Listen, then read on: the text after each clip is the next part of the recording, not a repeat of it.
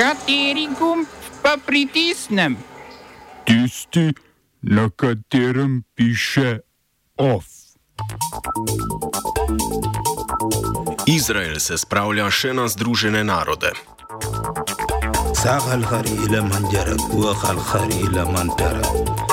Razpoke v stranki Gibanje Svoboda, iz stranke vrgli poslanko Šetinc Pašek, Klakočar Zupančič, nič več podpredsednica stranke. Uršulinke iz prostorov pri kongresnem trgu mečejo dnevni center za brezdomne. V kulturnem obzorniku ekranova jesenska filmska šola.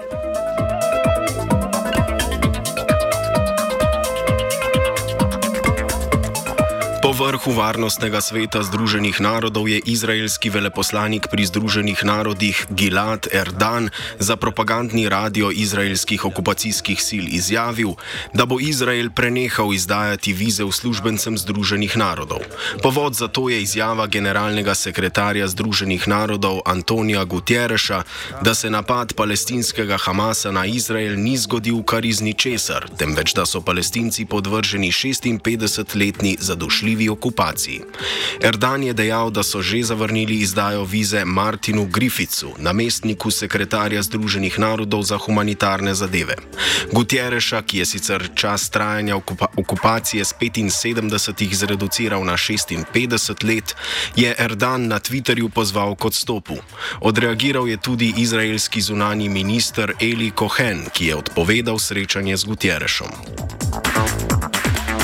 Izraelska okupatorska vojska medtem nadaljuje raketiranje Gaze. Samo včeraj je ubila 704 prebivalce Gaze, kar je po izjavi uradnega govorca palestinskega ministrstva za zdravstvo Ašrafa Al-Kidre največ v enem dnevu, odkar je Izrael pred dobrima dvema tednoma začel z bombardiranjem Gaze. Po besedah Kidre bodo generatorji energije v bolnišnicah zaradi pomankanja goriva prenehali delovati v naslednjih 24 urah. Uvoz goriva v Gaze Gazo blokira Izrael. Poleg tega Izrael raketira Zahodni breg in Južno Sirijo. Na območju Dženina na Zahodnem bregu so po noči ubili tri palestince, v raketiranju domnevno, domnevno vojaških ciljev v Južni Siriji pa osem ljudi. Od 7. oktobra, ko je Hamas udrl na ozemlje pod izraelskim nadzorom, so samo na Zahodnem bregu umrli 103 palestinci.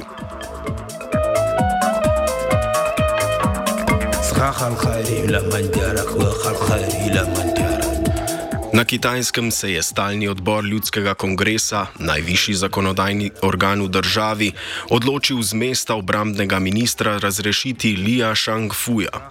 Oduzel mu je tudi funkcijo državnega svetnika, ki je od ministerske višja. Predsedniški ukaz o razrešitvi je kitajski predsednik in generalni sekretar komunistične stranke Xi Jinping že podpisal. Li je postal obrambni minister z najkrajšim stažem v zgodovini Ljudske republike Kitajske je funkcijo prevzel marca, v javnosti pa ni nastopal od avgusta. Po neuradnih informacijah Reutersa in Financial Timesa Lija in osem njegovih nekdanjih sodelavcev preiskuje vojaška inšpekcija. Preiskuje nabave vojaške opreme med letoma 2017 in 2022, ko je enoto za nabavo in razvoj vojaške opreme vodil Li.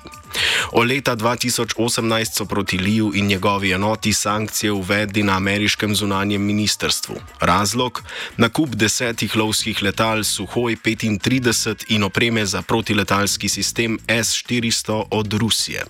Sankcij, ki Lijevi nekdanji enoti prepovedujejo izvoz v ZDA in sodelovanje v ameriškem finančnem sistemu, američani še zmeraj niso odpravili. Poleg Lija je mesto med petimi državnimi svetniki izgubil julija odstavljeni zunanji minister Čin Gang.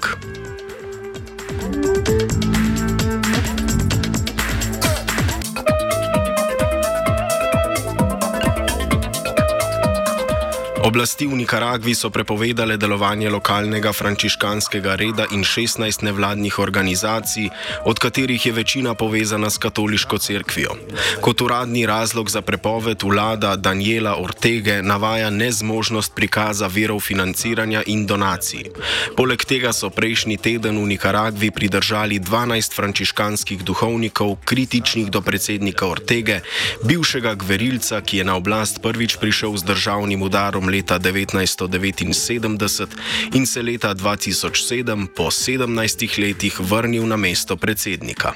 Odnosi med Nikaragvo, katere polovico prebivalstva predstavljajo katoliki, in Vatikanom so se močno poslabšali med protesti leta 2018, ko je v spopadih med opozicijo in podporniki oblasti umrlo 300 ljudi.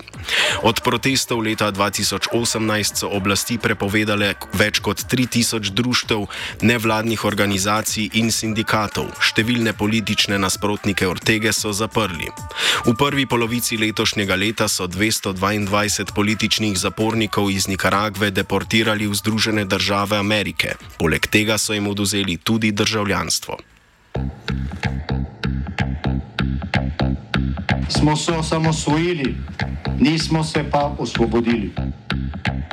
Naslednje število je še 500 projektov izpiljene modele, kako so se strani nekdanje LDS rotirali. Ko to dvoje zmešamo v pravilno zmes, dobimo zgodbo o uspehu. Takemu političnemu razvoju se reče udar. Jaz to vem, da je nezakonito, ampak kaj nam pa ostane? Brutalni obračun s politično korupcijo. To je Slovenija, tukaj je naša zemlja, to je Slovenija, Slovenija, Slovenija. Urška Klakočar Zupančič ostaja predsednica državnega zbora.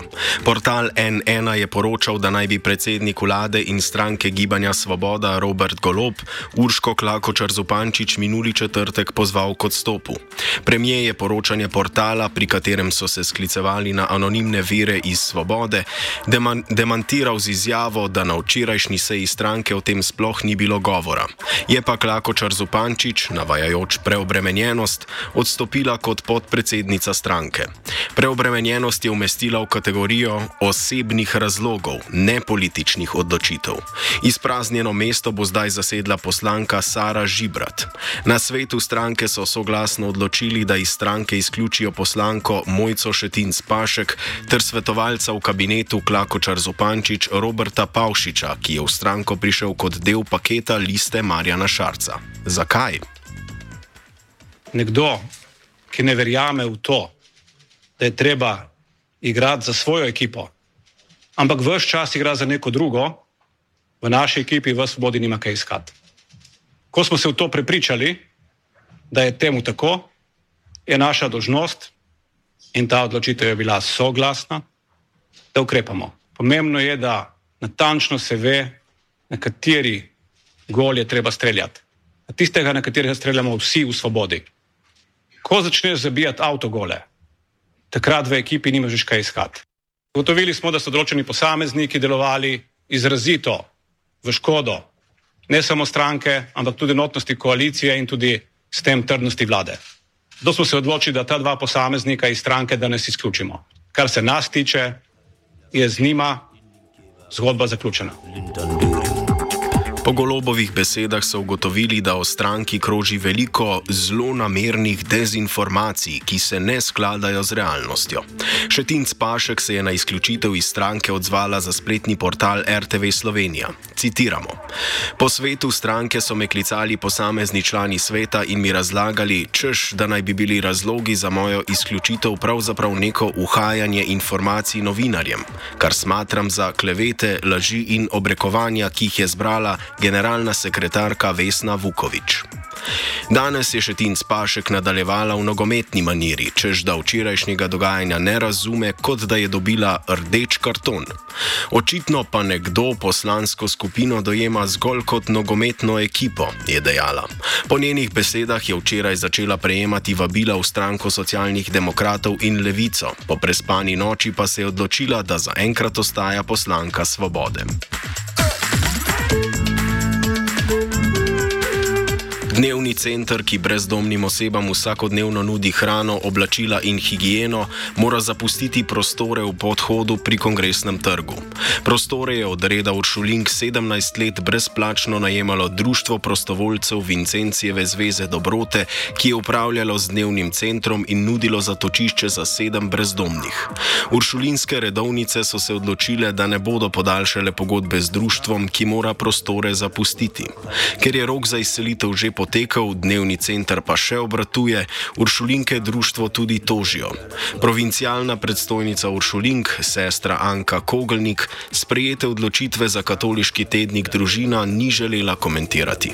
Kot nam je pojasnila Janja Završnik, prostovoljka društva, razlogov za izselitev Uršulinke niso predstavile niti društvu samemu. Završnik pojasnjuje, da so ob iskanju nadomestnih prostorov na ljubljanski mestni občini naleteli na gluha ušesa. V društvu smo se že takoj ob začetku te novice, ko smo pač bili seznanjeni glede odločitve lasnic, takoj obrnili na občino in na, na ministerstva in tudi na pač razne crkvene institucije. Žal do danes ene rešitve za nove prostore še vedno ni, še vedno jih iščemo tudi na trgu. Je pa zelo, bi rekla, specifična zaradi specifične populacije ljudi, s katerimi delamo, torej brezdomci so vedno nekje v centru Ljubljane.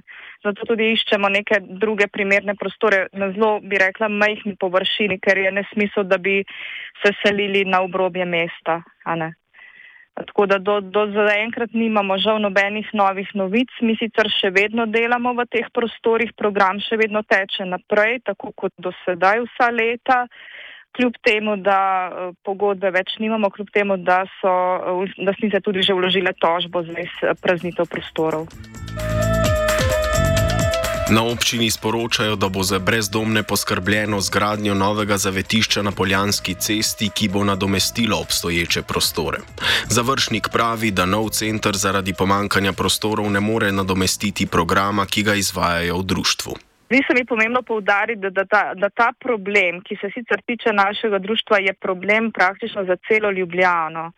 Torej, dnevni center v taki velikosti in v takem obsegu in v takem programu je praktično, seveda, poleg Kralje ulice, poleg zavetišča za brezdomce Ljubljana, edini program, ki še dela tukaj z brezdomci. In to celostno oskrbo od tuširanja dveh toplih obrokov do, um, do pranja oblačil, do prejema oblačil, lahko vse dobijo na enem mestu. In to bo velika izguba za celo mesto, ne le za naše društvo. In to se mi zdi pomembno povdariti ker se z hudo, po drugi strani pa kadrovsko stisko sooča zavetišče Ljubljana, ki je socialno-varstveni program Centra za socialno delo Ljubljana, katerega, kot ste preomenili, bodo sicer bodo tam gradili uh, nadomestne prostore, njih tre, za nekaj časa nameravajo preseliti in tam narediti neko nov kompleks, ki pa v resnici ne bo uh, nadomeščal uh, našega programa, ne bo to dodana vrednost, bo samo nadomestilo tistega programa, ki zdaj že obstaja, pa nekoliko več nastanitvenih enot bo. Ne. Vse pa je potrebno zavedati, da dnevni centri uh, ali naš dnevni center tukaj ali razdelilnica uh, hrane na Poljanski ali dnevni center na Kraljih ulice, vsi trije opozarjamo, da so dnevni centri iz dneva dan polni, prihaja po sto in več ljudi vsak dan. Pred dobro uro se je pred vladnimi prostori začel protest sindikata vzgoje, izobraževanja, znanosti in kulture, krajše SVIZ, proti vladnim predlogom za odpravo plačnih nesorazmerij. V SVIZ-u so mnenja, da najnovejši vladni predlog za odpravo plačnih nesorazmerij teh v resnici ne odpravlja, ampak jih zgolj prenaša v nov plačni sistem. Za zaposlene v vzgoji in izobraževanju ter, ter kulturi pa nesorazmerja celo povečuje. Nasprotujejo tudi zamrznitvi ureditvi usklajevanja vrednosti plačnih razredov do leta 2028 in odpravi strokovnih nazivov v izobraževanju in kulturi.